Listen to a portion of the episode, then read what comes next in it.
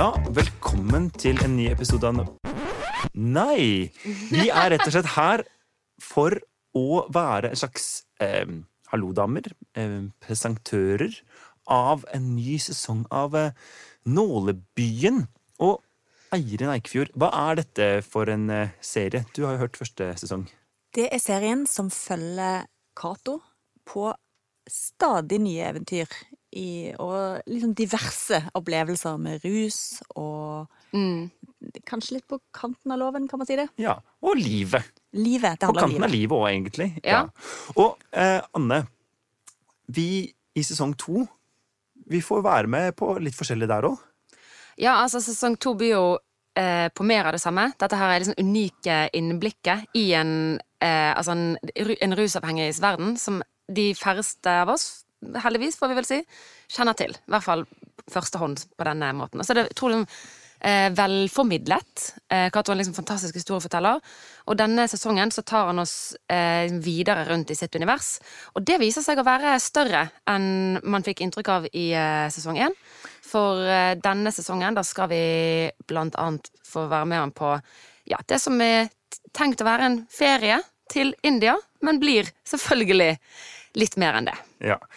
For, at, for alle oss som ikke kan reise noe sted i påskeferien, hva med å bare bli med i narkofengsel i India i stedet? Det er rett og slett sånn at eh, episode én og to ligger nå åpent ute for alle. Og de andre episodene slippes én i uka framover. Men i BT-appen så ligger alle sammen for abonnenter abonnenter Ja. fra nå av. Så det er egentlig bare å ja, kose seg og Et lite påskeegg fra oss til dere. Altså, dette er, det er ikke ofte du kan sitte i bilen på vei til påskehytten og så høre med familien, liksom, og høre på sånn detaljerte historier fra eh, en eh, heftig rushistorikk. Ja, en eh, såkalt narkomans liv, som er liksom bare egentlig til underholdning og glede. Nei, men eh, det er bare å glede seg, spenne fast tryggleiksbeltene og si god lytt og god påske. Ja. Vær så god fra oss i NMG. Helt flatt ny lampe på Jysk.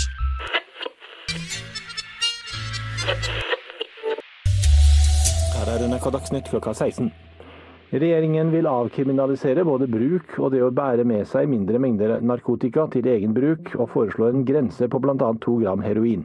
Det er det verste jeg har hørt. Og nå gjør dere dette? Hæ?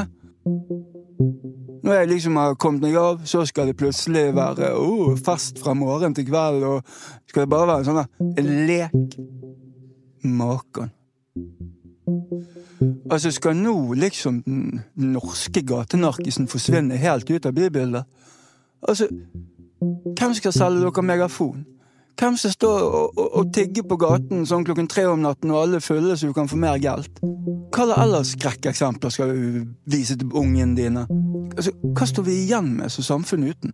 Den verneverdige norske narkisen. Du kjenner han godt. Hvite joggesko, tighte brallor, allværsjakke, gjerne en hockey sånn for sikkerhets skyld. Så før historien vår går i glemmeboken, så haster det å få fortalt disse historiene ifra Nålebyen. I alle fall sånn som jeg husker dem.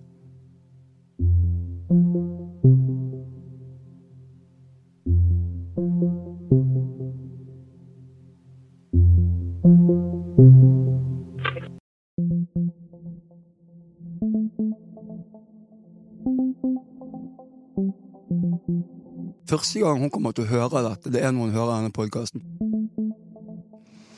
Så ja, mamma. Eh, jeg har noe å fortelle deg.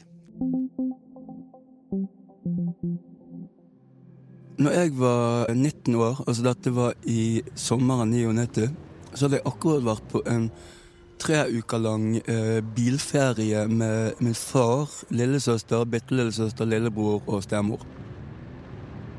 Vi kjører langs eh, motorveien i Nederland og Belgia og Tyskland. De nektet å kjøre innom Amsterdam, for de visste hva jeg kom til å gjøre i Amsterdam. Men jeg fikk tak i et eh, blad som heter High Times. Og da, da var det en lang artikkel om liksom verdens beste hasj, og det var håndrullet tempelhasj fra Nepal. Hadde jo noen timer eh, å tenke på den turen. Så jeg satt og tenkte og tenkte, og så begynte en plan å forme seg i hodet mitt. Hva hvis jeg eh, reiser til Nepal? Hmm.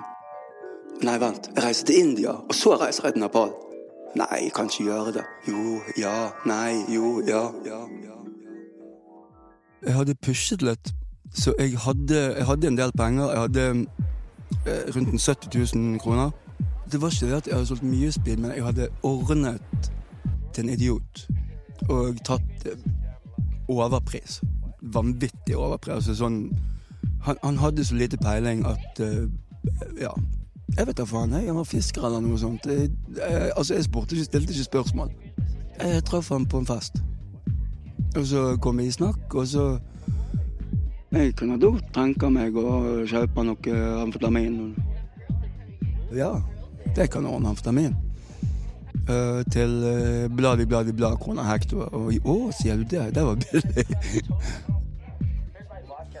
så høsten 99, i oktober, så uh, satte jeg meg på et fly til Mumbai.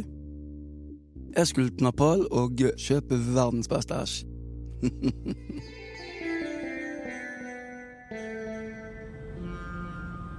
altså Det med Mumbai er at du kjenner lukten av Mumbai sånn 15-20 minutter før du lander. Det lukter åpen kloakk, altså. Planen var at jeg skulle ta en cabbe inn til eh, et billig hotell. Gjerne sånn relativt i nærheten av sentrum. Og så skulle jeg være en uke der og bare røyke og gå rundt og eh, damer og ja. Være 19 år i en fremmed by. Og så skulle jeg ta toget til eh, eh, Rajasthan og eh, ja, kose meg. Så jeg gikk ut på gaten, og det var jo ikke vanskelig å få tak i hasj der. Det var masse sånne små gutter. Og jeg visste de, de drev med det som et bakshish. Bestikkelse på indisk. Og, og det er så det er så, det er så mange forskjellige. Sant? Du må bestikke A, og så må du bestikke B, så ikke B skal sladre til C, og så må du bestikke C, så ikke han skal Ja, bla, bla, bla. Ganske komplisert bestikkelsessystem. Alle skulle ha litt. Og så var det en eller annen uh, Noe jeg hadde glemt, tydeligvis. Og uh, Trikset er jo at du skal være to stykker. sant? En skal ha pengene, og en skal ha varene. Og hvis den ene blir tatt, så går du og ja, gir litt baksjis til de som arresterte, og så er det ut. Det gikk jo ikke helt sånn. Siden hasjen var så billig der, så hadde jeg kjøpt sånn type 50 gram, og jeg hadde kanskje 48 igjen, for jeg hadde bare røykt et par gram, for det var sterk hasj der òg. Jeg kunne like godt smuglet den. De banket på døren min. Uh, ja, Mr. Lamong Hansen, you must come with us now. De visste navnet mitt. De tok ikke håndjern på meg eller noe sånt. De bare satte meg bak i en bil, og det, det var ikke engang en snutebil, det var en eller annen sin bil. Og kjørte ut til politistasjonen, og det, alt var veldig sånn stille og rolig. Helt til de fant de pengene på meg, da.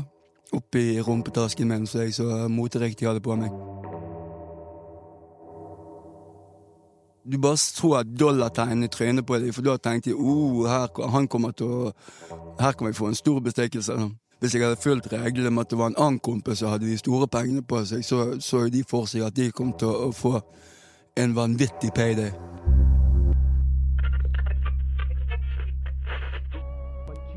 Men dagene gikk, og jeg var i arresten der. Og så skjedde det ingenting. Og når det ble tydelig at han ikke kom, så ble jeg politifolka litt sånn oppgitt. og bare, ja, Sett han i varetekt og, og begynn byråkratiet. Altså, Jeg fikk ingen informasjon om hva som kom til å skje, eller eh, om jeg kunne ringe noen. Nei, jeg bare satt eh, i, i celle på, i arrestasjonen på eh, politistasjonen. Så det kom jo en, en indisk advokat etter et par dager Og var veldig sånn der giret sånn Ja, jeg er 100% sikker på at vi kan få dette ned i 10, maks 15 år. Men hvor, hvorfor så mye? Og han var så blid, han advokaten. Han var, han var så sånn der, Ikke du fornøyd med meg nå, hæ? Altså, når du er 19 år og finner ut at du kanskje blir sittet til du er 35 i et indisk fengsel, så blir du litt nervete. Jeg så for meg at wow, nå er jeg fucked. Jeg måtte jo venne meg til å drite foran publikum. Av og til var det kø på dassen, for det var jo 200 stykker og én dass, eller ett hull i gulvet. Det var eh, to vegger på siden, men ingenting foran. Og så var det jævlig ubehagelig å ikke ha dritepapir. Uh, altså det var jo en spreng der, sånn, så det var en kanne, og så gikk du og liksom sånn haltet jeg bort til den der med buksen eh, på knærne og trusen oppe. Og så fulgte du vann. De hadde en sånn kanne med vann. Så, liksom, så helte du den oppå ryggen så liksom rant ned i rumpen og fikk vekk liksom litt. Men det kjentes ikke rent ut. Det kjentes ikke hygienisk ut. Og det var, det var så ekkelt. Jeg hatet det. Forestill deg liksom en, en, en stor eh, gymsal med, med rød murstein. Når vi sov, så måtte vi ligge øre til øre. Og de hadde noe som het uh, tillitsfanger. Og det var de som hadde 15 år eller mer. Sånn gjennom morder og den type ting. Altså Du så uh, vekterne som jobbet der, så du egentlig relativt sjelden. Og hver natt så måtte vi legge oss og ha på oss et teppe. Og hvis ikke du hadde på deg det der teppet, så kom de her tillitsvingene og klasket deg under foten med køllene sine. Jeg hørte jo historier om tortur og Ja. Det var en som hadde det var et, Han skulle demonstrere, for han hadde slått etter en av betjentene. Og da hadde de visst eh, tatt han opp på en, eh, en slags stol hvor han hadde armene i sånn her Jesus-stilling med armene ut. Og så først hadde de tatt knærne oppå armen hans, og så knekt den utover. Og da hadde han eh, skreket noe voldsomt. Og så tok de og knakk andre òg, og da besvimte fyren. Og det hadde visstnok skjedd bare et par dager før jeg kom. Men igjen, altså, det var mange historier som ble fortalt der. Og jeg vet ikke om det ble sagt bare for å skremme meg, eller hva det var. Altså, men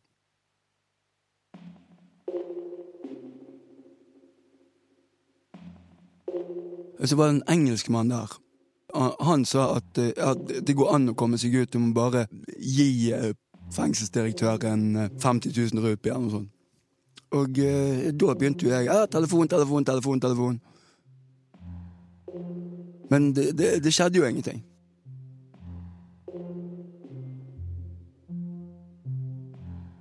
Altså, Jeg følte meg trygg eh, etter en stund, fordi at alle var veldig hyggelige. Det var ingen sånn der uffen stemning og sånt sånn som du ser på eh, eh, på National Geographic, eh, hva det heter, Lucked Up Abroad, hvor eh, folk hadde Det var ingen, så ingen sånne hjemmelagde våpen eller noe sånt. Og det, tvert imot så var det mye sånn de bedde til Jeg husker ikke hva gud det var, men en, de hadde nok å velge mellom disse hinduene. Og vi fikk god mat. Det ble, det ble veldig overrasket over. Vi fikk sånn digg curry og sånt. Og de sa bare slapp av, eh, det kommer til å ordne seg dette her. Og det er bare å eh, betale så og så mye, så ordner dette seg og sånt. Så.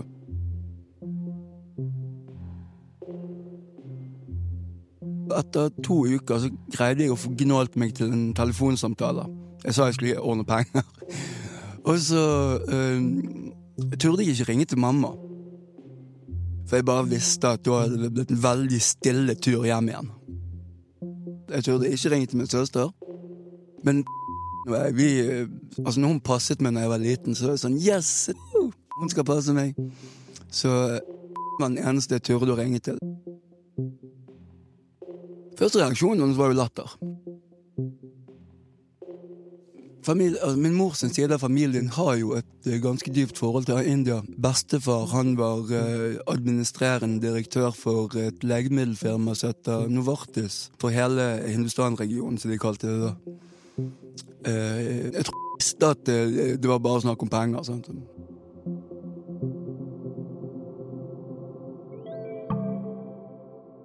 Så en dag så kommer en av vekterne inn i den her eh, alvor og bare mister Han klarte ikke å si Cato, så han sier Kato Mong Han Sing.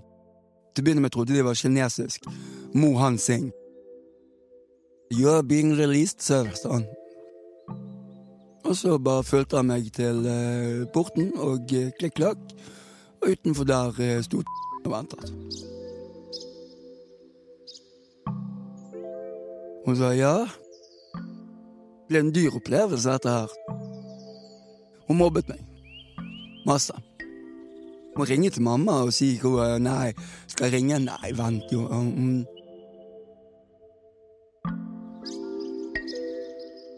Når jeg kom hjem, satte meg ned i stolen min, rullte meg en gigantisk joint, og bare var veldig fornøyd med livet og tingenes tilstand og hvordan det hadde gått. For jeg fikk en indre fred over meg som bare spredde seg fra tånegl opp i issen. Altså, det var en deilig følelse å komme hjem. Altså, da var jeg eh, Hadde jeg fått noe av India.